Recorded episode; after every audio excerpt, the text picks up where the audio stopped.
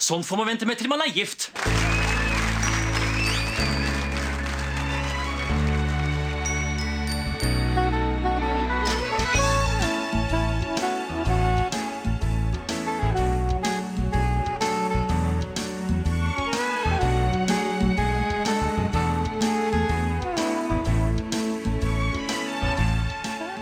Hallo, velkommen til en ny episode av Norsk film filmpodkast. Podkasten hvor vi ser norsk film med et kritisk, men kjærlig blikk. Mitt navn er Emil, jeg sitter her som alltid med. Stefan heter jeg.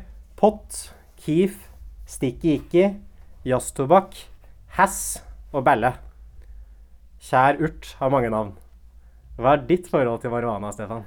Ja, takk for at du spør. Nei, jeg, jeg kjenner jo Har jo vært på en eh, fest der det er blitt røyka et eh, blås eller to. Hva med deg, Emil? Nei, vi har jo alle litt sånn befaring kanskje med sånn hasjmiljøer fra seint på videregående og tidlig i 20-åra. Jeg husker det var en periode da jeg vokste opp at uh, dette her med hasj var liksom sånn virkelig i sving. Da Hadde jo sånne filmer som Half Baked, Super High Me, Harold and Coomer Go to White Castle. At du fikk en sånn oppblomstring av en sånn stoner-kultur. Som er en kultur som jeg kanskje ikke har sånn spesielt mye til overs for nå, og som jeg også føler kanskje har dødd litt ut underveis. Men den filmen som vi har sett i dag, Stefan, det er jo kanskje Norges bidrag til stoner-filmen. Hvis det kan sies å finnes. Ja, og det er Den siste revejakta, regissert av Ulrik Imtias Rolfsen, mannen bak uh, Isat. Best kjent som mannen bak Isat, ja. Og vi, Taxi.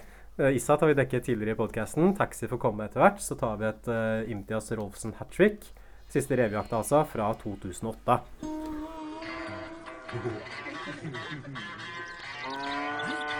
Smaker det, for faen! Er det gelé?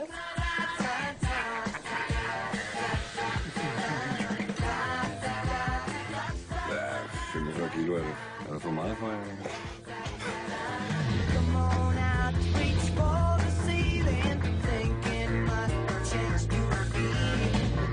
Hvor mye er det egentlig snakk om? Jeg vil ikke snakke om så mye.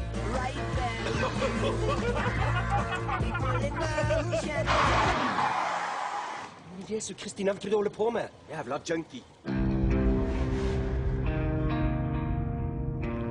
det ikke Carl F. Wang? Jeg prater litt med ham. Hva er det for noe? Afghan. Afghan, ja, det er hasj. Hasj, ja. Det ser hva som var inni hasjen. Carl, din lavpanna sullik, du er innblanda i en heroinsak. Glenn skal ha 1,2 millioner på torsdag. Hei! Du svikta meg i dag. Og Du lot meg være alene, og jeg kunne Jeg kunne vært drept. Hva er det du snakker om? Du hadde ikke blitt, du hadde ikke blitt drept! Vet du hvorfor jeg kom hit? Jeg kommet hit for å skade deg. Så Kristina, hva er det du holder på med? Vold? Stefan, hva er ditt forhold til uh, siste revejakta? Nei, eh, jeg hadde jo en periode periode jeg leste alle Ingvar Ambjørnsen-bøkene. eh, Og da leste jeg også Den siste revejakta. Jeg husker jo det som en ganske sånn svak bok, egentlig. Det er ikke noe, ikke noe sånn veldig storyline. Veldig sånn Ingvar Ambjørnsk, med liksom dette her eh, litt sånn Døden på Oslo S-språket.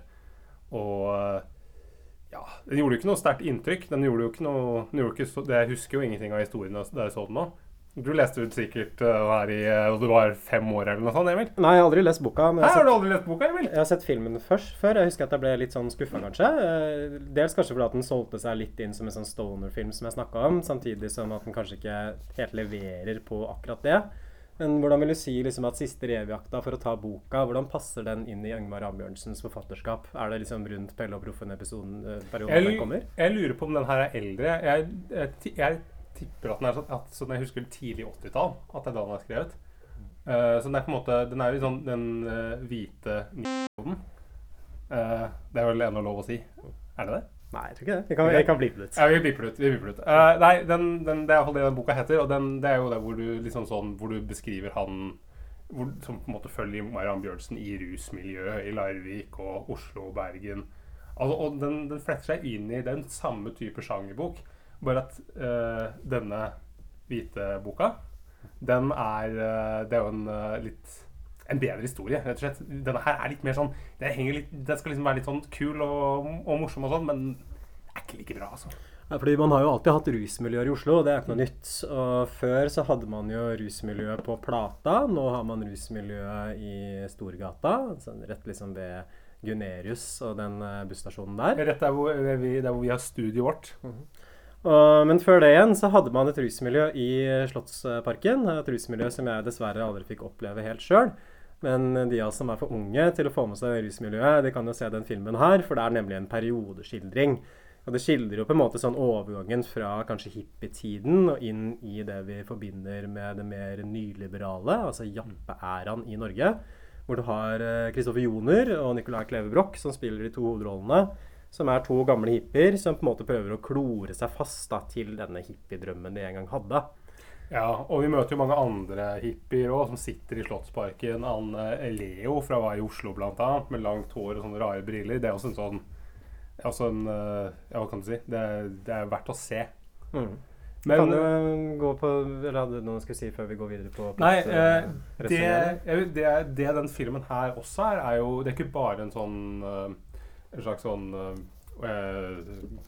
Stoner-komedie. Stoner-film. Uh, men det er også en sånn uh, liksom Det starter den nostalgiske tilbakeblikk-filmen i Norge. Som du på en måte har fått veldig mye etter hvert. I begynnelsen var det krigsfilmer, men så nå kommer det også de der som er litt sånn i nyere tid. At vi på en måte går, går tilbake til 70-80-tallet. Og hvor det er sånn kostymedesigner som har gått helt bananas og kost dem med å kjøpe inn gamle tannbærradioer og litt sånn rare klær og vannsenger og sånne ting. Mm. Og det er jo, starter jo rett på det, den nostalgien her, egentlig. Sånn Fortitlene, der har vi Kristoffer Joner og Nicolai Kleve Broch. De er høye som hus, begge to. De forsøker å gi weed til en ku.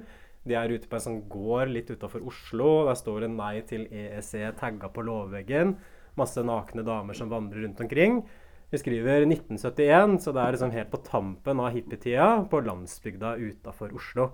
Ja. Og Fortitlene har ganske sånn ekspresjonistisk formspråk, vil jeg si. At det er veldig mye sånn lensflare. Liksom at sola, at sola skinner liksom i kamera, så det blir sånn mye lys. At man blir Ja. sånn blenda som seer. Det er sånn du ser for deg sånn hippietid, sånn 1968, sånn alltid sånne filmer med mye flower power. Da er det det vi ser. Det sånn Treige toninger inn og ut av bildene. Mye sakte film. Oransje sånn lys. Sterke farger. Ja, sånn derre slør som ligger over det hele, som kanskje skal illustrere denne hasjrusen.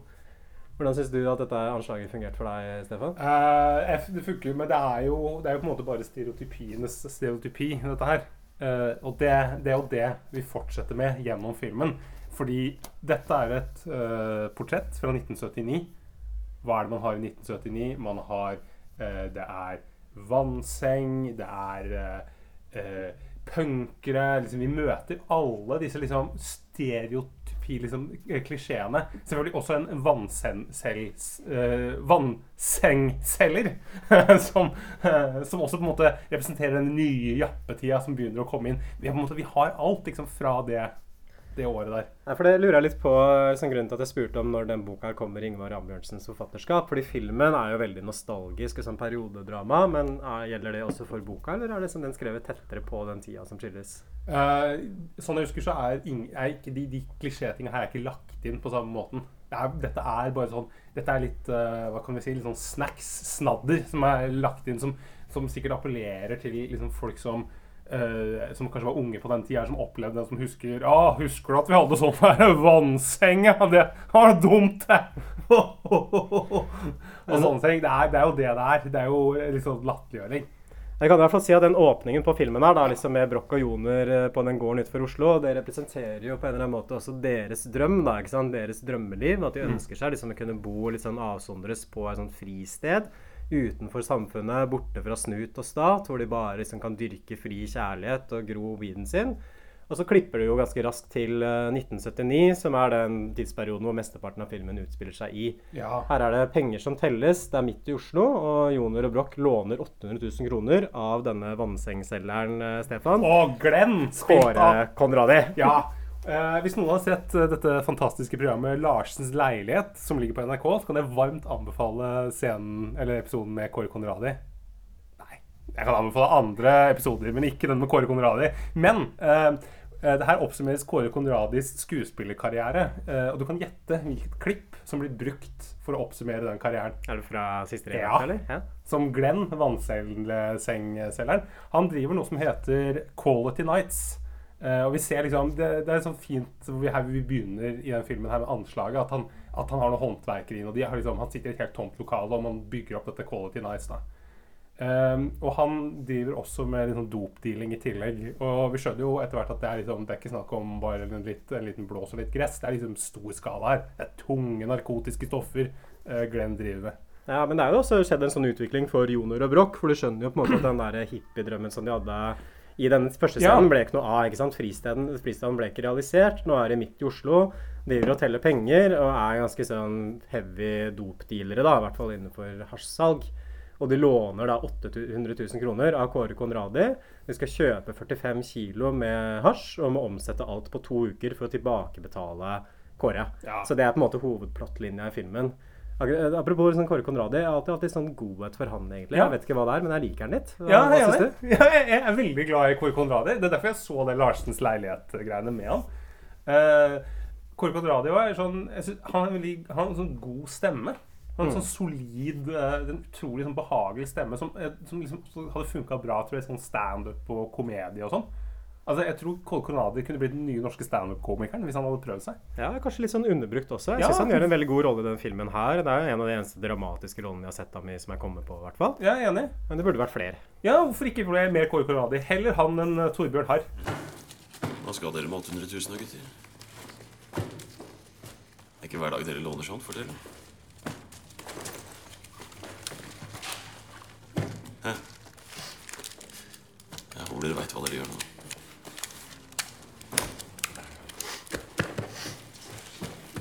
Stemmer.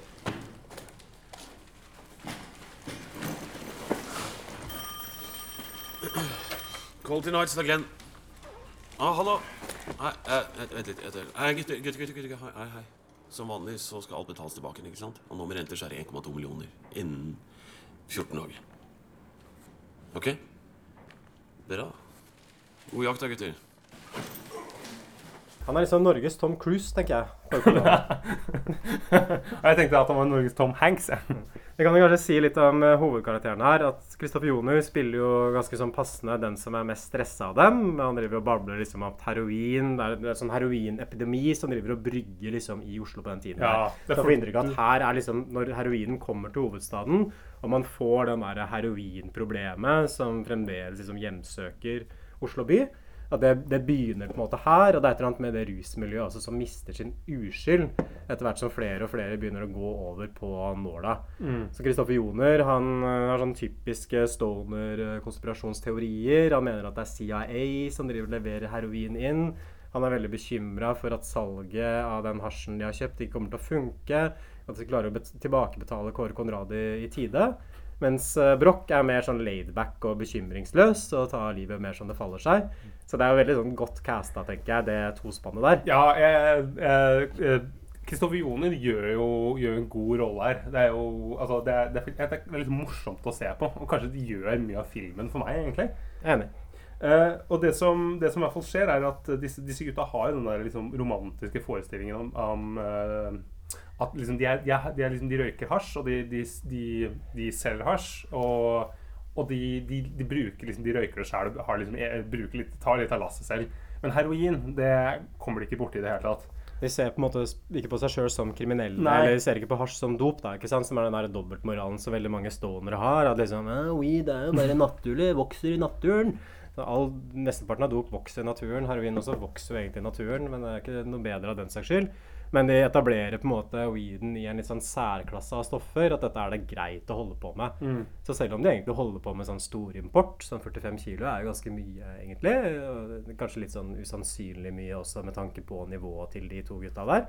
Det er sånn Cappelen-omfang på smuglinga som de, de setter i gang For det er svære greier, og det er jo, det er jo ganske sånn utspekulert. Det de, det de gjør, er at de, eh, de har en liten hytte et eller annet sted. Det ser ut som kanskje Stavern, eller liksom Det er iallfall du ser, du ser havet utafor. Sitter der da og venter på at dansken skal komme med hasjen, sannsynligvis fra Danmark, i en båt. Eh, og de, mens de venter, så røyker de seg høye og, og koser seg. Ja, det er mange scener at de røyker seg fjerne Det er- og liksom spiser godteri og kødder her. Altså. Og da skal vi liksom Det, det her, er fett. her ja, Og dette her, det mistenker jeg at uh, Ulrik Imtias Rolfsen Han har ikke så veldig mye erfaring med dop uh, eller med, med hasj i det hele tatt. Han syns dette er jævlig kult med folk som røyker seg stein. Ah, Fins det noe morsommere enn å se fem minutter med, med liksom at de har røkt seg høye og er helt uh, gærne og går Ja, bananas? for det, du får en sånn scene altså, etter hvert hvor de sitter og røyker sånn pipe, og så flirer de veldig, og så kommer liksom Broch da og har med seg noe sjokolade, og så blir Kristoffer Joni helt sånn blank i øyet og bare Å, sjokolade! Og det har jeg mest lyst på i hele verden akkurat nå! Så det virker nesten som de røyker hasj for første gang i sitt liv. For jeg tenker hvis de røyker hasj daglig, så får de ikke de der stoner, så aktiv stoneroppførsel. Nei, men det er bra, Ulrik Imtias Rolfsen, at du prøver å skildre dette her på en troverdig måte og syns det er veldig kult å henge med de kule gutta. Men i hvert fall, han selgeren, han danske hasjselgeren, han er spilt av Thomas Bo Larsen, som En er en veldig kul dansk skuespiller. Han spiller bl.a. i Pusher og i Festen. Gjør en veldig god rolleprestasjon i Festen. Ja, men han, det er han eh, broren til uh, han hovedpersonen. Ja, for de som, har de som har sett festen. Og Jakten spiller han. Mm. Og den uh, Ett glass til. Han er en vinterbær. Han er rett og slett dansk kvalitetsskuespiller. Ja. Thomas Winterberg gjennomgående gangsfigur i alle hans filmer. Ja, det- Fantastisk, dere. Men det viser seg også at han dansken skylder penger til en som heter Svarten, og som Joner mener at ikke er til å stole på. Så han kan ikke gå i land sjøl, han dansken, så han ber dem om å levere tre kilo for ham.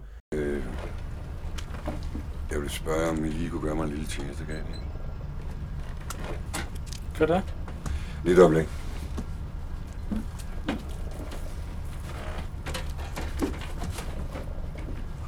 kjenner du på? Gud, så myk han er. Den er napal.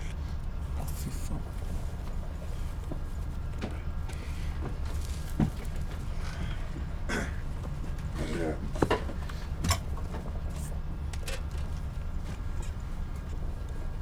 Jeg vil høre, om I kan levere de tre kilo for meg. Ja, altså...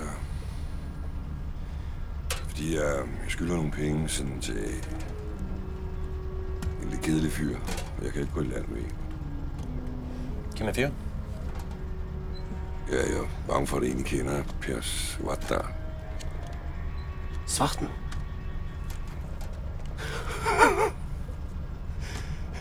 uh, du skylder penger til Svarten, er det det? Så er det Mogens. Vi dealer ikke med Svarten. Mm. Fordi at Svarten, han kan du ikke stole på. Den er her, den ser jeg. Så har I fået for besværet, ikke? Går vel greit, det? Hvad er 45 kilo er det? Er der for meget for jer, eller? Ja, det går an.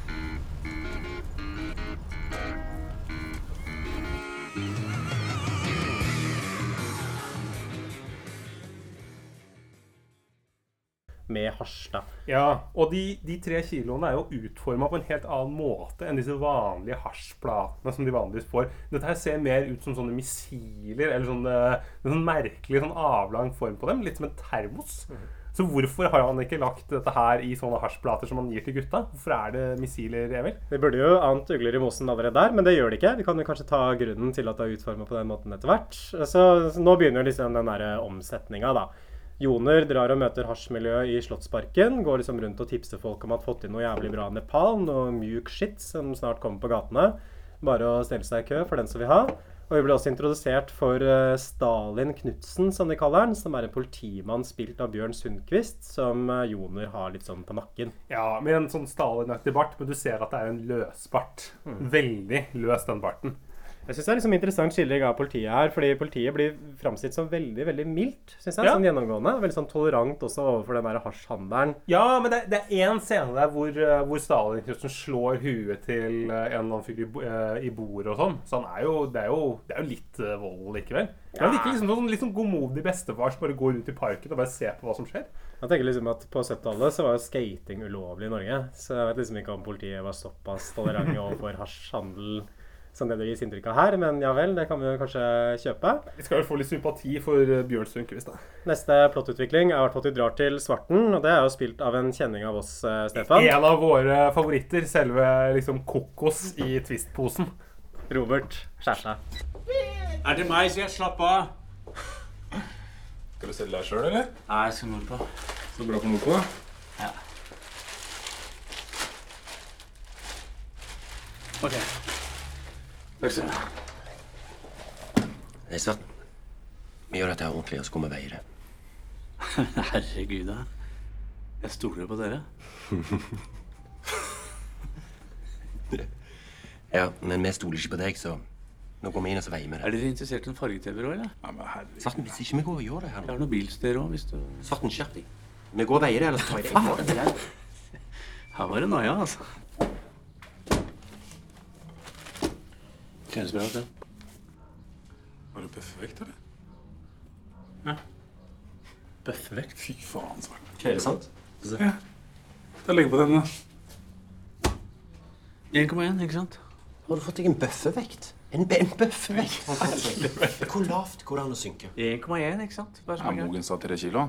Da tar jeg en liten beis, jeg. Sånn at det går opp, sant?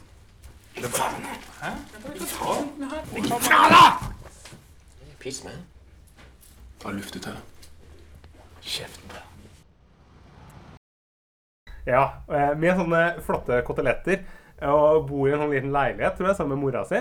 Eh, og virker som en sånn, Han virker jo ikke som en veldig litt sånn nervøs, men samtidig ikke en sånn veldig trivelig type. En sånn skikkelig kjeltring.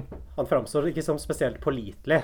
si. At Det er veldig sånn rar scene mellom dem, og det er sånn fiendtlig stemning. Broch mener at kjæresten har en bøffevekt, så det er vel en sånn hasjvekt eller en løsvekt som han har på en måte stilt inn til å vise høyere enn det den egentlig er. Ja. Eh, sånn flott digitalvekt fra 1979 eh, og som han bruker der. Og eh, greia er jo at de slenger disse her uh, uh, patronformede liksom, klasene med hasj oppå. Joner og Broch de har, tror jo dette er kilos greier, men de veier 1,1 kilo. Og de aner ikke ugler i mosen. De tenker bare at det er svarten som har bøffevekt. Så det er et eller annet som ikke er som det skal være. Uh, det er en annen liksom merkelig scene her også, hvor gutta blir konfrontert med en uh, vannseng. Ja. på, Har du vært borti det, Stefan? Har du ligget i vannseng før? Ah, alltid drømt om å ligge i vannseng. Har du? Ja, besteforeldrene mine hadde Oi. vannseng da jeg vokste opp, så jeg har ligget i vannseng. Du må jo ha vært de kuleste folka i hele Hamar. I Oslo bodde vi faktisk da. Ja. Nei, Jeg husker godt den følelsen av å ligge og bølge på den vannsenga. Jeg tenker sånn i dag at det må være helt forferdelig hvis du kommer hjem fra byen og skal prøve å legge deg på litt sånn stigende russ. For da kan man ofte oppleve liksom at rommet begynner å snurre litt, så at kanskje underlaget kjennes litt sånn ustøtt ut. Og i tillegg hvis det ligger liksom og skvulper som skulle vært i en jolle på Oslofjorden, så kan det bli enda verre. Så det, det er kanskje grunnen til at det aldri helt tok av dette med vannseng etter 80-tallet. Ja, vel, og det, det er vel det med Jeg, jeg hadde jo mitt, min første leiekontrakt. Da sto det spesielt at det ikke var lov til å ha vannseng. Og det er jo det er noe med det da Hvis den begynner å lekke, så har du jo vannskader i Ja, det er derfor de ikke Jeg tror jo det. Det er ikke bare for at de ikke vil ha sånn type folk som vil ha vannskader i leilighetskomplekset. Eller at de på en måte var, at de var medeier i Jysk eller uh, på Dyvik Hva faen var det dere? Hansen og Dysvik. Kun harde senger her. ikke noen her slaraffenfolk som liker å ringe og duppe. Sånn som Kåre Konradi, eksempel. Vil ikke ha han som leieboer. Og her får vi liksom scene nummer fem på ganske kort tid av gutta som liksom røyker seg skakke og som loker rundt. Jeg tror at den scenen her og en del andre scener kanskje fungerer bedre i bokform enn på film. Mm. For det, det som liksom kan være litt sånn karakterbyggende i en bok, det blir fort litt sånn retningsløst når det skal passe inn i en 90 minutters historiefortelling. Men det går i hvert fall snart fra spøk til alvor, for de oppdager ei dame som har tatt overdose i badekaret. Eh, Det viser seg å være Tone, som er dama til Nicolai Klebrok. Og det er et sånn spesielt sted å sette et skudd, syns jeg. Som i badekaret? Er det, noe, er det noe digg å sitte i et badekar og være høy? Jeg tenker at Det blir jo fort litt sånn hardt, kanskje. Å sitte, ja, å sitte liksom mot Det er ikke det mest sånn behagelige møbelet, da, hvis du ikke har vann oppi. Nei, jeg tenkte vi heller gjort i Stresslessen eller, eh, eller noe sånt. da Hvis jeg var Tone. Ja, for nå er jeg påkledd også, så jeg hadde antakeligvis ikke gi vann i badekaret når en skulle sette en sprøyta. Det går, setter du deg ikke der. Må Ja. ha en liten madrass i ryggen eller noe sånt. Ja. Hvis du har badekar, og så kommer du hjem fra en sliten eh, dag på jobb Du setter deg ikke i badekar for å slappe av. Ja, Uten med- vann. Ja, men med vann kjenner jeg mange som gjør det. Jo, jo, jo, men selve som et møbel, som en stol, som et sittemøbel, så er det ikke Du, du, hadde jo ikke, du hadde ikke en stue full med badekar, du, Emil. Og så får man liksom der scene en montasje da, ikke sant, hvor hun bæres ut, og så får man et uh, musikkvalg på soundtracket som er 'Rock and Roll Suicide' av David Bowie. Ja. Jeg syns kanskje det blir litt vel sånn åpenbart og bokstavelig etter min smak. Det er Mm. ja, noen som har tatt livet sitt med å sette overdose. 'Rock and Roll Suicide'. Tar du den? Tar du den, Stefan? Hæ? Skjønner du hva jeg mener? Det er rock and Nei, roll jeg, skjønte det ikke i det hele tatt. Det var så altfor avansert for meg. Altså, gutta får jo problemer også hvor de skal gjøre av stoffet. For de hadde tenkt å stæsje dette stoffet her i liksom loftsleiligheten da, hvor hun bodde. Men det kan de ikke gjøre nå lenger, tenker de, for det blir for mye heat liksom, med ambulansepersonell osv. Og, og da får man også et annet musikk-cue. Det blir 'Wish You Were Here' av Pink Floyd.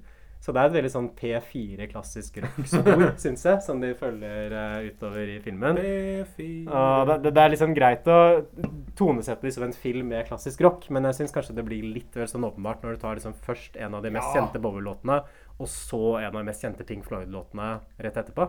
Men er ikke det gjennomgående i hele meg? At det er jo veldig sånn Det er jo liksom alle de kjente og kjære låtene fra den perioden der som brukes. Det er ikke noe det kommer ikke noe sånn original, kreativ musikk. Det er ikke litt sånn, det er ikke sånn eh, Breaking Bad eller Mad Men, hvor de bruker litt andre typer låter. Ja, det får jo også eh, 'Children of the Revolution' av T-rex etter hvert. Ja. Men det er kanskje befestet et sånt inntrykk av at den personen som har lagd denne filmen, her skildrer dette miljøet litt sånn fra utsiden. Ja. Fordi jeg tenker at Hvis du hadde vokst opp i et hippie-miljø, så hadde man kanskje kjent til noen litt sånn obskure B-sider eller noe deep Mm. cuts eller sånn ukjente band og løfta frem dem, dem istedenfor. Men det er liksom sånn Google rock and roll suicide music, og så kommer rock and roll suicide opp av David Bowie. Et Eller sånn classic rock 70s compilation, liksom, og bare plukker derfra. Tror du kan ha hatt sånn boks med fem CD-er i, i CD-hylla, og så bare tatt fram den og så tatt det beste derfra? Men i hvert fall da, Joner og Broch drar ut på den gården på starten av filmen, eh, hvor, som er drevet av Gard Eidsvoll, Ja, som er litt sånn frika type. Og vi må bare legge deg, en Grunnen til at de drar, er jo fordi at de skjønner at de kan ikke De har jo oppbevart stæsjet på loftet til Tone, og skjønner nå at det kan de ikke gjøre. De må ha det et annet sted. Mm. Og det dukker opp en sånn liten konflikt mellom gutta der, fordi planen har liksom hele tiden vært at de skal lage en sånn fristad da, på gården til Gard Eidsvoll, mens Broch vil heller kjøpe rekkehus. Så han mener ikke at det er, det er ikke realistisk å lage fristad i 1979. Og her begynner jo liksom tematikken til filmen å komme frem Mm. ganske tydelig. Det handler liksom om hippietiden som er i ferd med å dø ut. da. Ikke sant? At uh, Joner begynner å klamre, s- eh, klamre liksom fast i den der hippiedrømmen, mens uh, Nicolai Klev Broch er kanskje klar for å gå videre. Og det er liksom det sentrale dilemmaet også, i hvert fall for Kristoffer Joner sin karakter, hvor man Mm. begynner å skjønne at det, det man hadde håp på liksom, i hippiemiljøet, det kommer alle til å bli normen i samfunnet. Vi kommer alle til å vinne liksom, den kulturkrigen. Slaget er tapt. Skal vi da liksom forsøke å samle sammen restene og gjøre det beste ut av det vi har? Eller skal vi bare leve et streit liv? Jeg har da fire liv med rekkehus på Bøler. Ja, Joner velger det førstnevnte, og Broch, eh, i hvert fall får man inntrykk av her, begynner å tenke at han vel vil velge det siste, da. Og um, det som, det skjer også det som, det som er fascinerende, skjer et slags sånn taktskifte her. Fordi at eh, i begynnelsen så er det jo Joner som er denne liksom veldig stressa karakteren og sånn. Men nå er det jo eh, Broch som på en måte som detter ut og liksom blir eh, surrete opp pga. den døden med Tore og blir irrasjonell. Mens det er Joner som måtte sørge for at de får ut uh, forsolgt hasjen og liksom gjort det de skal. Mm. Det er han som trekker i trådene. Så det skjer et skifte her. Han er jo åpenbart han er jo mer baller enn det vi, vi trodde fra start. Jeg tror det. Ja, det jeg synes det, det får en sånn litt fint, ganske, Ja. ganske bra sånn montasje her av masse folk, ulike folk de selger til, som inkluderer ganske mye sånn rare, odde typer. Du har liksom en rastafarianer, du har en fysiker på Blindern, du har en fyr som ser ut som han er medlem av Gestapo, og en del sånn hippier. Han, eh, det så jeg i rulleteksten etter jeg hadde sett filmen ferdig, at han rastafarianeren er for øvrig kreditert som svart mann i rulleteksten. Oi! Og spilt av en skuespiller som bare kaller seg for Harmony. Wow. Eh, det er også en sånn stand-in for Ingmar Ambjørnsen i den montasjen. Jeg vet ikke om du la merke til det? En sånn fyr som ligner veldig på Ingmar Ambjørnsen, som sitter med ryggen til. Det er ikke Ingmar Ambjørnsen selv, men det er en Ah. skuespiller, og skal selvfølgelig ha seg en kilo, da. Altså eh, Johannes Joner faktisk spiller en sånn rolle som liksom lang, eh, lang frakk og liksom sånn business-type. Ja, det var han Gestapo-fyren Ja, det var på. Gestapo-fyren, ja. Men det lykkes dem ikke å selge nok stoff, og de må be om utsettelse fra Konradi. Og det de tyr til, da, er å selge til en fyr som heter Trønder-Ole. Hvem er uh, Trønder-Ole, Trøn- Stefan? Trønder-Ole han er spilt av Pål Ottar Haga, kjent som Blåfar i Blåfjell. Og ehm, den Kristoffer Joner han mener jo at de må absolutt ikke selge til Trønder-Ole, for at han er dritfarlig. og Det er liksom siste utvei. Han er gæren. Ja, han er gæren. Jeg syns ikke han virker så gæren. Nei, han, han ligner jo litt på Hank von Helvete, da. Ja! I glansdagene, riktignok, før han ble en branne. Han har liksom eh, pannebånd, litt sånn sminke rundt øya, sitter med sånn USA-bukser hvor liksom eh, masse stjerner på det ene buksebeinet, og så har det stripe på det andre. Han ser virkelig ikke ut, altså. og i tillegg så er han fra Trondheim, og det vet jeg liksom, det dopmiljøet i Trondheim er det hardeste hele landet. Det kan jeg skrive under på sjøl. Um, men de tyr til eh, det skrittet der, og Joner skal gjennomføre handelen, men eh, Broch forsvinner da, mens han skal liksom drive og deale med Trønder-Ole. Og når uh, Joner klarer å finne igjen Broch, så viser det at Broch har snakka med Joners samboer, som også er i Slottsparken. Han har blitt overbevist om at Tone ikke satte overdosen selv, men at noen gjorde det på henne. Uh, Joner blir pissed fordi Broch stakk av, og de skilles da liksom som uvenner. Så det blir nok Mm. en sånn kilde til splid mellom dem.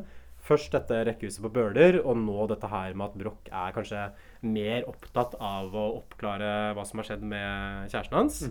Kanskje naturlig nok. Mens Joner bare har lyst til å selge unna den hasjen, og liksom tenker at det hjelper liksom ikke for Tone hvis du havner i fengsel. Vi må bare få den handelen her unnagjort, og så kan vi tenke oss om. Rasjonelt av uh, Joner her, altså. Og eh, det, det som skjer, er i hvert fall at eh, eh, de, de, de, ja, de, de fortsetter må, Det er det vi, vi følger dem egentlig bare når de fortsetter å selge. De drar til et kollektiv hvor Linn Skåber er en av hovedkarakterene. En Mhm. annen fyr som heter Frank, som driver med syre, blant annet. Uh, Og en sønn som er uh, punker. Uh, Skåber forteller også at han tok en sønnen på fersken mens han onanerte. Han kom, kom Foran sønnen. Ja. Kjempegøy for Hun- sønnen. Hei. Å, så bra. Han har det i kjeften, de guttene. Thomas, ja. Ikke noen smågutt lenger, dette her, skjønner du. Den vokser til. Jeg kom jo på rommet hans her forleden. Så sitter han på senga, bare hæ, hæ, hæ, hæ, hæ, hæ. Hva? Jeg, jeg skjønner ikke. Han dro seg, i- dro seg i snabelen. Mamma. Ja, du gjorde det, da. Det er helt naturlig i den alderen der. Det er... Nei, men greia er at han satt først og så på meg. Og når jeg kom inn, så fortsatte han. Og så så meg i øya. Det er sjukt, altså. Det er ikke naturlig. altså. Frank, hvor mye var det du skulle ha? Men han er det. Flott Frank? Svær i front og være såpass liten. Frank! Ja, Frank. Det var halvannen kilo, var det ikke?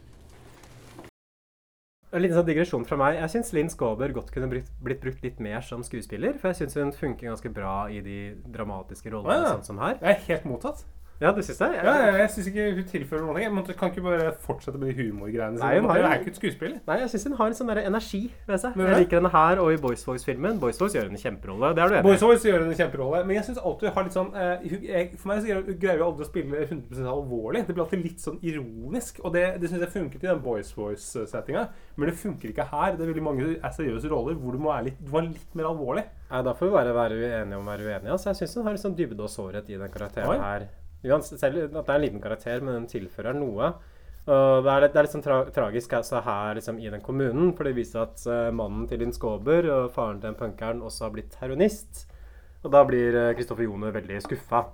Ikke du også, Frank. Og Joner blir støtt fordi Carl sier at han trenger hasjen for å fyre opp på toppen av heroinrusen. Mm. Så kommer liksom Joner. Dette her er ikke noe krydder. Dette er ikke dessert. Dette er hasjens indrefilet. Ja, liksom det er hasj. Det må være hovedgreia. Det er ikke noe som kommer i tillegg liksom med heroinrus. Så igjen, dette her med liksom sette hasj i en sånn særklasse sammenligna med annet stoff. da. Ja. Han blir også veldig skuffa over hvordan det har gått liksom, med kommunen. Sånn han hadde troen på dette stedet her. Det heter kommunen? Det Ja, de, de sier det. Ja, det, det er en slags sånn hippiekommune. Eh, at dere hadde skapt noe et eller annet som liksom var annerledes fra mainstreamen. Og nå er det liksom en uh, punkersønn som har en sånn incestuøs uh, forelskelse i mora si. Linn Skåber som bare kødder rundt og drikker hvit eh, rødvin. Og far som er heroinist. Enda en klisjé det kollektivet er jo selvfølgelig at det bor noen Hare Krishna-munker der. Ja. Du, skulle bare mangle. Selvfølgelig kommer Hare Krishna inn i en film som skal være fra 79. Så det smøres jo veldig tjukt på liksom, den der hippiedrømmen som rakner. Og det, det, det fortsetter jo også liksom, når Jone drar for å betale Kåre Konradi. Det viser at Konradi også liksom, har gjeld til en som heter Marco, som han vel aldri ser Nei, men som kjører rundt i en sånn svær Mercedes med sota ruter, som disse gutta også ser underveis mens de er liksom ute ved den der hytta og sånn. Så de, kanskje de følger etter dem. Vi vet ikke. Uh, og da kommer jo, kom jo også han, eh, han Glenn eh, når fordi eh, Kristoffer Joner er veldig på at eh, ja, nå når jeg er ferdig, dette blir siste jobben, nå skal vi begynne å dyrke hos Arild. Og Glenn bare konstaterer at nei, du, 70-tallet, det er over, det. Det er ingen som tror på de drømmene dine lenger. Nei. Så sier Joner 'Jeg gjør det! Jeg gjør det!' Men han er kanskje en av de få som er igjen. Og det er sånn B-plott også som illustrerer den samme tematikken, egentlig. Hvor øh, Joners dame har et barn som er fra et tidligere forhold, kanskje. Mm. I hvert fall kan det se litt sånn ut på barnet. eh, som har veldig lyst på Barbie-dukke. Og det representerer vel kanskje litt sånn der kommersialiseringen av den yngre generasjonen. ikke sant? At det begynner å trekkes mot sånn amerikansk underholdningskultur. Barbiedokker, usunne kroppsidealer, feminismen er liksom på rikende front. I hvert fall den radikale feminismen som handler om å brenne BH-er og være skeptisk liksom, til skjønnhetsidealer osv. Så, videre. Så det er liksom nyrealismen som kommer snikende her da, på alle kanter. Ja, det men glem denne liksom kapitalisten for, liksom, som måtte skjønt at det lønner seg å selge vannsenger og satser alt på det. sikkert. Men også Broch som vil ha rekkehus, Ja. ikke sant? og hippiene som begynner å forvitre og begynner å gå over på heroin. Du har datteren som vil ha Barbie-dukker. Så det framstår som et veldig sånn nytteløst prosjekt, da.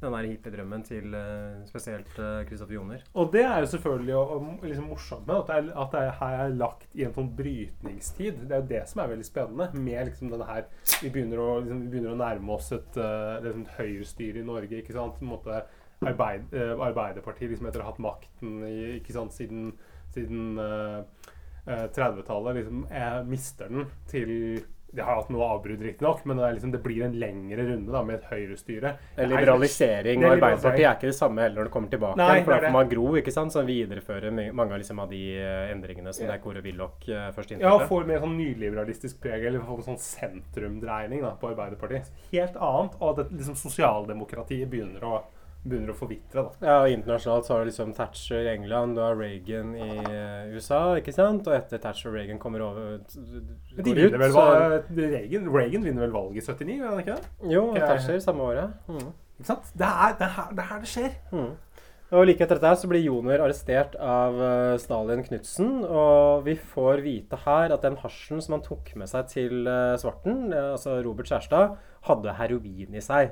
Det var derfor at den ikke Mm. var riktig på vekta. Det var ikke bøffevekt, det var for at den var heroin inni. Og det er også derfor liksom det er forma på den der rare måten som de snakka om, den der avlange termosmåten. Ja, og eh, nå, nå starter jo den her eh, jakten på å finne svarten, og Kristoffer Joner han sier at, eh, at eh, den, som, den som finner svarten, skal få liksom et eh, nok Nepal til å være stein ut neste år.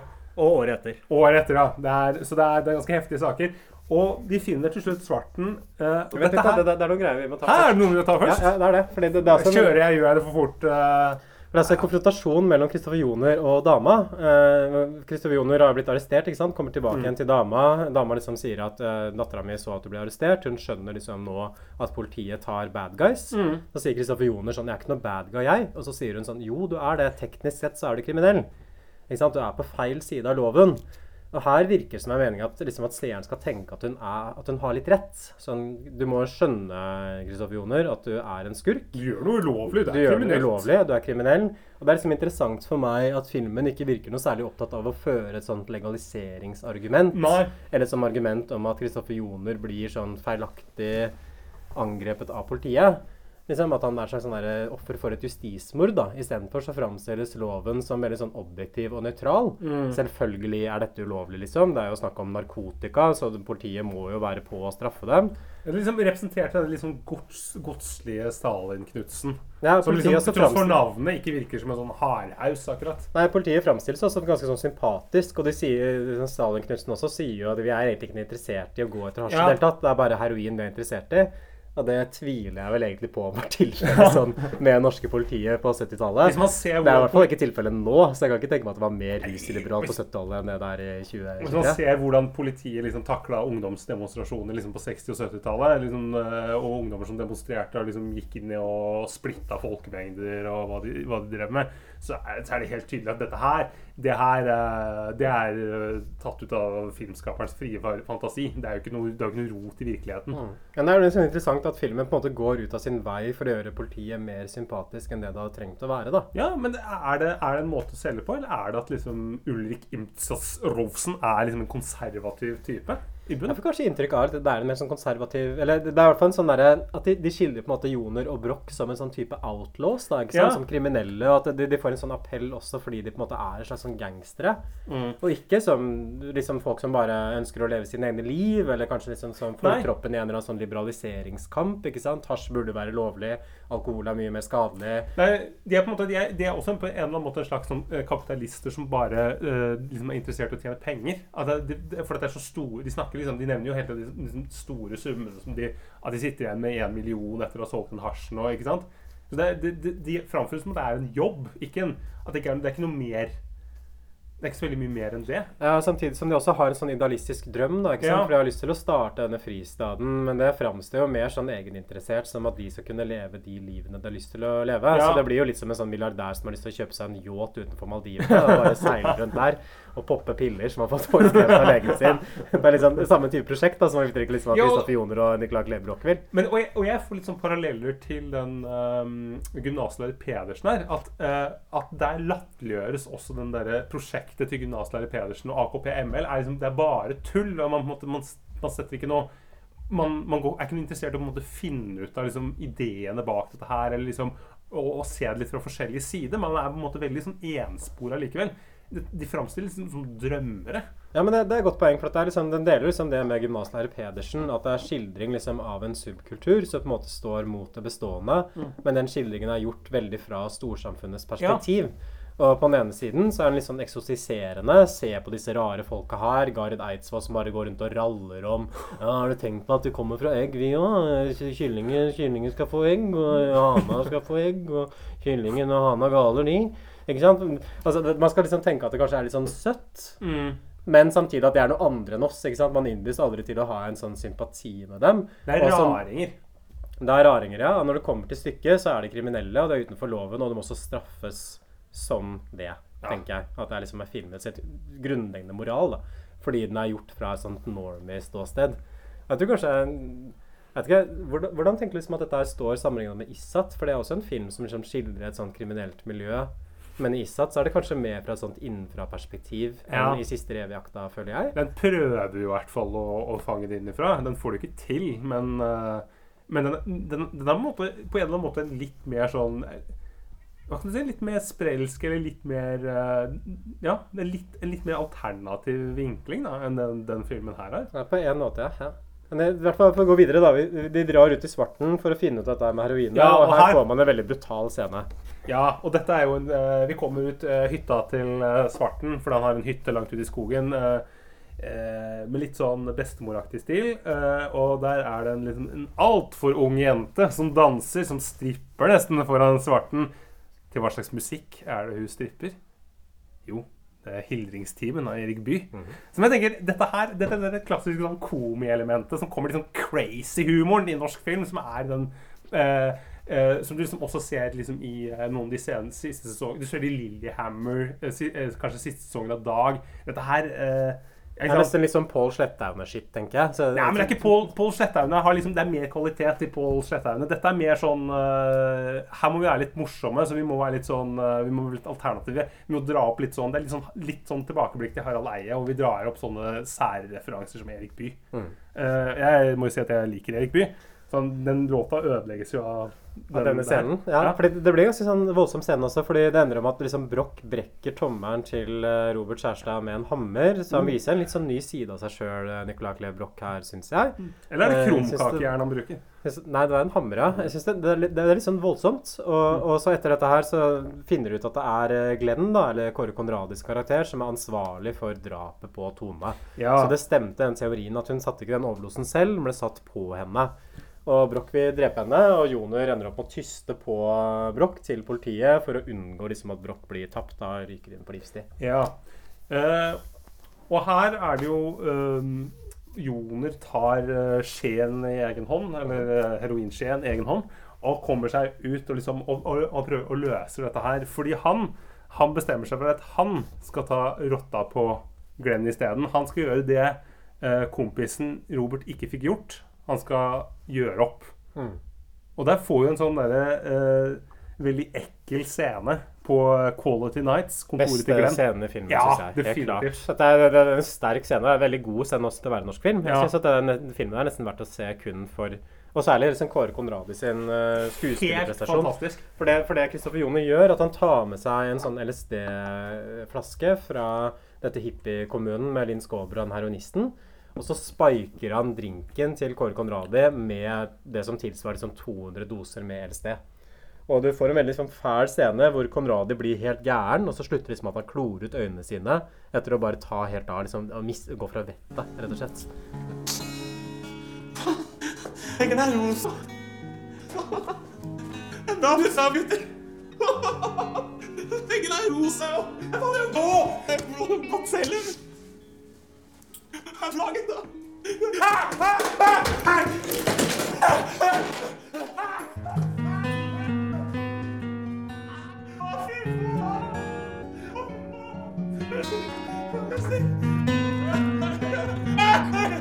I'm my car!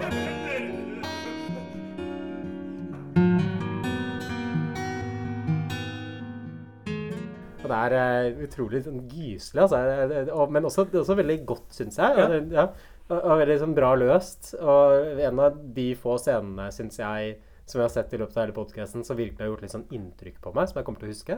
Ja, og uh, det er det at du får uh, um, Du ser at Kristoffer Joner blir liksom ordentlig berørt av det her. Han greier å spille det ut. Eh, og du får litt sånn eh, Fordi at han blir så gæren, han eh, Glenn, så på en måte fra at du tenkte at det er en dust, så får du akkurat der får du liksom litt sympati for han Mm. også. At jeg merker bare at han er kanskje et rasshøl, men fortjener han det her? Ja, Conradi gjør også en utrolig god prestasjon. Ja, både, både i den scenen her, men, men også sånn i altså. filmen generelt, syns jeg. Jeg syns kanskje han er den beste skuespilleren i filmen. Definitivt. Hvis man ser bort fra Joner, da. Og hvorfor kan ikke Konradi Hvorfor brukes han ikke mer? Det må jo være fordi at Konradi ikke vil. For at han er jo han er en god skuespiller. Ja, eller at folk liksom ikke har sett helt potensialet hans, men her også spiller han liksom mot sin type. Fordi Kåre Konradi er jo en kjekkas, liksom. Ja, ja. Til Lene Marlin, så han har draget han. Og Marianne Antonsen. Mm. Det var jo de, de, sånn nakenbilder ute på nettet liksom i sånn samme verven med Rune Rudberg. Bare at de, de takla ikke, takla ikke nakenbildene like godt som Rune Rudberg. Ja, stemmer. Men, men her er han liksom litt sånn halvlubben. Han ser liksom litt sliten ut. Han gjør en veldig sånn god rolle. For han liksom kommer liksom bort fra det der kjekkas-imaget som han ellers Ja. Ja, og det, ja, Det virker som han koser seg i rollen, syns jeg. Ja, og at han har- lagt litt, uh, lagt litt arbeid i det òg. Mm. Ja, for det, det er det problemet. Han er som Torbjørn Harr. Han brukes liksom i de kjekkasrollene. Men uh, Kåre Conradi har jo så mye mer. Mm. Det er så mye mer innhold, og det er det vi ser i den filmen her. Og det er liksom det var deilig å se. Jeg blir så glad av å se Kåre Conradi her i den liksom litt for trange Lacoste-poloskjorta si. Det er åh, fint. Bra, Kåre Conradi. Så dette her er jo på en måte avslutningen på eh, hovedhistorien i filmen. Og så nå går vi videre til siste scene. Der hopper vi litt fram i tid igjen. Det er vel kanskje sånn to-tre år fram i tid. Hvor det viser seg at Kristoffer Joner og Nicolai Klebrok har startet sånn avrusningssenter ute på den gården til Gard Eidsvoll. Katmandu Detox heter den. Hvor de detoxer eh, heroinister. Men det er ikke helt rusfritt, for de dyrker også sin egen eh, weed der ute. Sin egen keef. Litt sticky-icky, høykvalitets. Så det gikk i oppfylling likevel, den eh, lille Petterøes 9000-drømmen som de hadde. Drømmen er oppfylt. Uh, Så det blir en slags sånn lykkelig slutt likevel, da. Men ja. Og Joner er gjenforent med dama. Og kanskje, kanskje Alle har dame. kanskje litt sånn lettkjøpt, uh, dramatisk avslutning, Ja. føler jeg. Det henger litt flere løse tråder etter at Kåre Konradi dør, som de burde kanskje ha nøsta opp i. Samtidig så er filmen ganske kjedelig, så jeg kan jo sette pris på at de bare kommer til konklusjonen relativt raskt. Ja, og det- Men narrativt sett så er det ikke helt tilfredsstillende, da. Nei, men, men det er faktisk det. Du blir letta at de bare avslutter her fordi at det går, det går så trått, og det skjer, det skjer så lite. Det er ikke så veldig spennende, bortsett fra den, der, den scenen der. Så det er liksom bare deilig at åh, deilig, åh, bare avslutte. At vi slipper å se Vi slipper å se hva som skjer med Svarten. Vi slipper å tenke at kommer det en poli politietterforskning mot, uh, mot han Kristoffer Joner? Altså, eh, det, Eh, hvordan får de liksom de nye damene her? Har Kristoffer Joner, som er en litt eh, nevrotisk type, han må jo ha en del traumer. Det ville i hvert fall jeg hatt etter, etter noe sånt. Og hvor lenge kan de opprettholde et sånt detox-senter hvor det også gror sin egen weed, tenker jeg? Er det liksom et uh, prospekt som er Liv laga i Norge i 1982, eller når det skal være? Eller er det noe som kanskje kan bli stengt ned relativt raskt? Når folk drar fra de detox-sentre, kommer i avhør hos politiet kanskje? En eller annen heroinist som sprekker, som liksom sier at ja, hvis du slipper meg ut, så kan jeg tipse deg om et sånt detox-senter hvor det gror jævlig mye weed ute på landet her. Sånn, det virker ikke som meg som en veldig sånn plausibel uh, mulighet, da. Nei, Sosialetaten hadde nok grepet inn der. Uh, men det er, deilig, det er deilig at det er ferdig. Men det er liksom et eller annet med filmens hovedtema, da, det har vi liksom snakka om allerede, at Mm. det handler jo et eller annet om hippietiden som går i oppløsning, og overgangen mellom hippietiden og nyliberalismen, eller jappetida. Og det jeg liksom satt og tenkte på underveis, sånn får man noe inntrykk av hvorfor er det hippietiden går i oppløsning? Mm. Hva er det som gjør liksom at denne drømmen her er såpass vanskelig å holde i liv? At det, det skal Ja, man men- finne ut av det på egen hånd, eller fordi filmen gikk noe sånn tydelig svar på det. Hvis vi skal svare Hvis vi skal svare ut fra filmen, så er det jo, er det fordi at heroinen kommer, og at det er liksom Og at det er eh, at det er sånne typer som Kristoffer Joner og at Robert blir liksom satt ut på sidelinja med sånne hardbarka typer som er villige til å selge heroin, sånn som Glenn, og som bare tenker penger og driver og selger vannsenger fordi det lønner seg. Ikke vanlige senger, men vannsenger fordi at det lønner seg. Kommer inn. Det er jo det, er jo det den filmen prøver å si. At på en måte Tror du ikke at kapitalmarkedet tar over her? Ja, For det er liksom det er et liksom- initiativ som forsvinner. Jeg har noen liksom teorier For det er ulike alternativer. da Første er liksom den der, som du nevner, som er den hasj til helvete-logikken. Mm. Hvis du baserer livet ditt rundt rus, så går det til helvete etter hvert. Ja. Og hvis du begynner liksom å røyke weed, så kommer du til syvende og sist å gå over til heroin. Eller i hvert fall nok folk gjør det til at Mm. miljøet blir ødelagt. Og Det støttes jo litt sånn av mannen til en Skåber. Og jeg syns også det er noe sånn symbolsk over at Joner Ja. dreper Konradi ved hjelp av syre. Som er liksom, LSD er jo på en måte hippiedopet nummer én. ikke sant? Det er sånn flower powers, vekst og fall på en eh, papirlapp. Det er både et dop som skal gjøre folk i kontakt med naturen, som gjør at folk kjenner seg selv, åpne opp for dimensjoner som folk ikke kjenner Mhm. til. ikke sant? Og åpne opp en kjærlighet, fri kjærlighet for alle. Spreng grenser. Samtidig som at det er masse folk som liksom har ødelagt hodene sine fullstendig på LSD og bare blitt sånn nutcases, sånn som Sid Barrett eller Brian Wilson f.eks.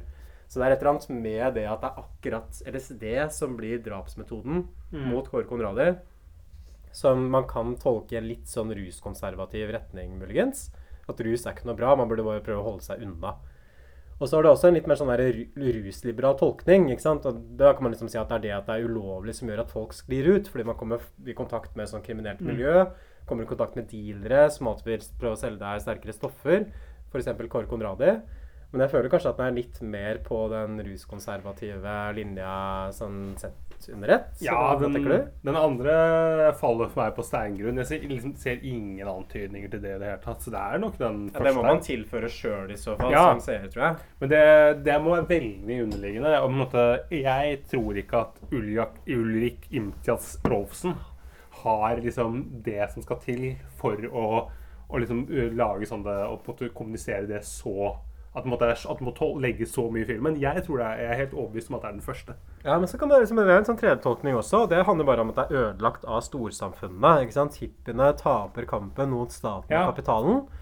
Uh, og liksom grunnen er at det er samfunnet rundt som er for kjipt. ikke sant? Det er nyliberalismens kommersialiseringsbølge som vinner over disse hippiene, og som tvinger dem tilbake i kne. Jeg syns kanskje ikke det er så veldig sannsynlig tolkning personlig, fordi filmen framstiller jo hele prosjektet deres som veldig sånn eskapistisk i utgangspunktet. Mm. Hele drømmen til Kristoffer Joner er å bruke pengene på å pusse opp en gård hvor de kan røyke hasjen sin i fred.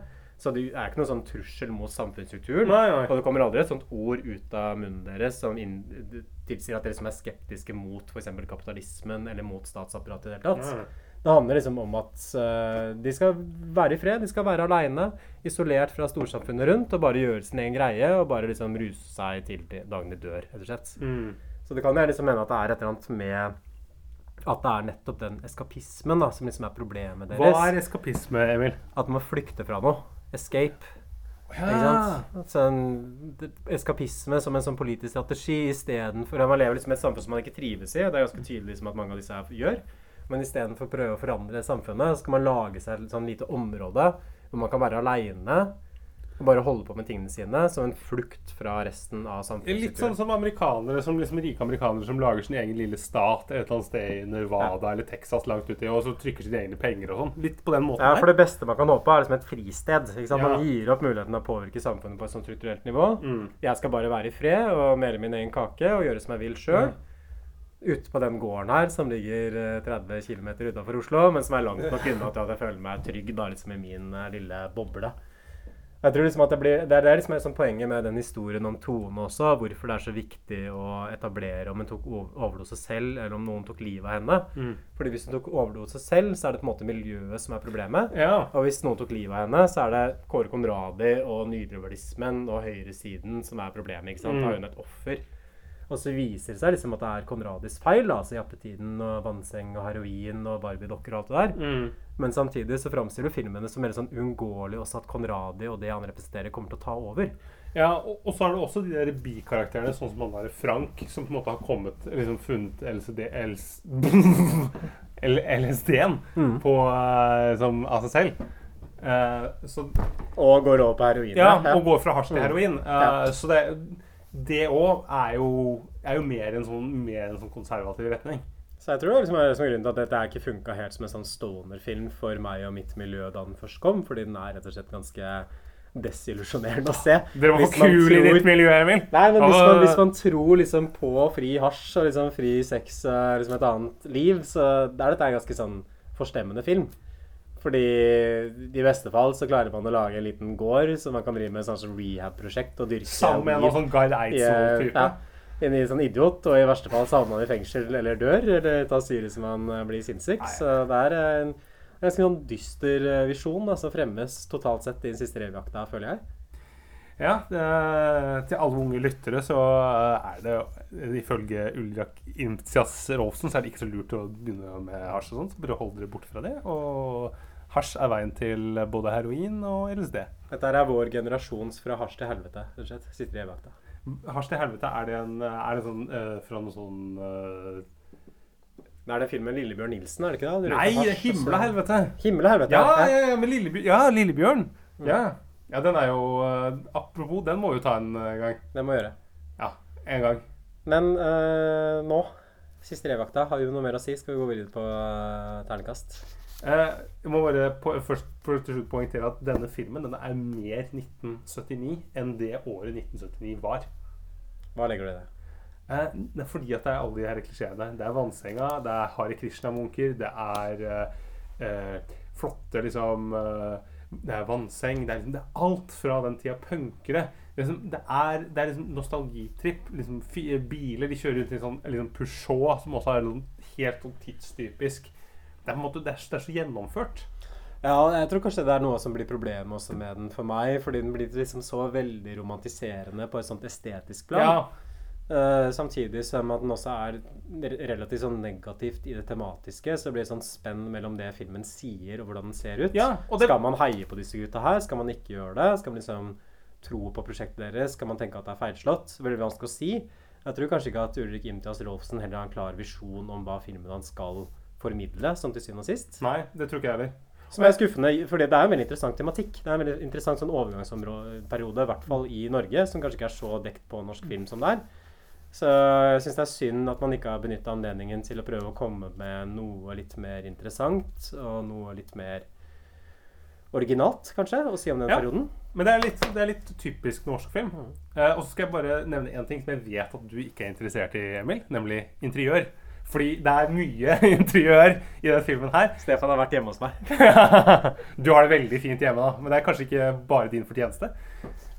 Men, eh, men uansett, det er, det er mye fint. in- Det er mye interiør her. Og det jeg tenker at eh, hvis, du, hvis du hadde et hus da i 1979 eller en leilighet, så hadde du ikke bare møbler fra 1979 eller 70-tallet. Du har jo sånne arvestykker. Du har kanskje en skjenk fra 20-tallet. Eller du har liksom blanding av stiler. Men her så er liksom, det er så fastlåst fra liksom periode Altså, vi er i 1979. Alt, liksom, alt vi ser, er fra liksom fra liksom de siste ti årene i, den, i den, en tiårsperiode der. Det er liksom ingen Det er ingen som har det sånn. Det er jo helt ulogisk. Ja, for det, det er liksom et godt poeng. Og det husker jeg liksom jeg leste en gang liksom om Mad Men også. At de bestreba Ja. seg på at de liksom har også møbler fra 50-tallet. Mhm. Nettopp fordi at eh, ja, hjemme hos meg så er det ikke bare møbler fra 2023 eller 2020-tallet for den saks skyld. ikke sant? Det henger Nei. igjen fra tidligere epoker. Så det er kanskje noe som, som gjør at filmen virker som han utspiller seg i sånn fantasiunivers også i en sånn 70-tallskarikatur. Mm.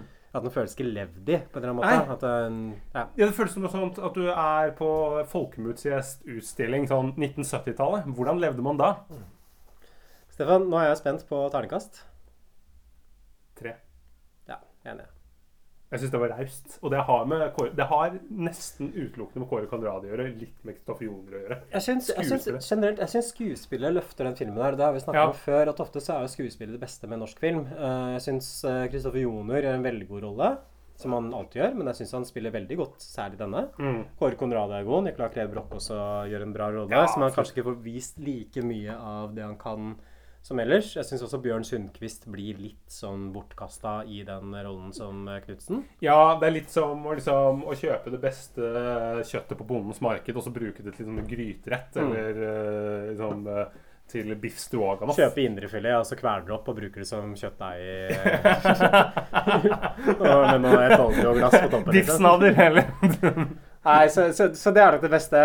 Og, filmen har en sånn helt passabel stil. eh, Trekkes litt liksom at den er så klisjé, klisjéfylt hele veien. Men jeg skulle ønske at den var mer radikal. Sånn, verken ene, enten den ene eller den andre retningen. Enten Mm. så burde den være mer Ja. hippieorientert, eller så burde den være mer konservativ. Ikke gi meg den vassende grauten i midten, liksom. Ikke sånn Men, men noe. Ta et ståsted. Ikke sånn sentrumsståsted som på ikke Det er det verste som fins. Ja, slutt med det. Slutt å være så feige. Liksom. Reis dere opp, Uh, reis deg opp, Ulrik Imtias Rolfsen. Nei, jeg ville heller sett en sånn hard sånn antihippie-film, liksom, enn den litt sånn bløtkokte pastaen som vi fikk den siste reven. like al dente som i uh, spagetti à la Capri, den her. Er litt for mye tobakk i jointen etter min smak. Vel blåst, Emil. And the clock waits so patiently on your song. You walk past the cafe, but you don't eat when you've lived too long. Oh no, no, no, you're a rock and roll suicide. Chef break the snarling as you stumble across the road. But the day breaks instead, so you hurry home. Don't let the sun blast your shadow. Don't let the milk float, rob your mind. They're so natural, religiously unkind. Oh no, love.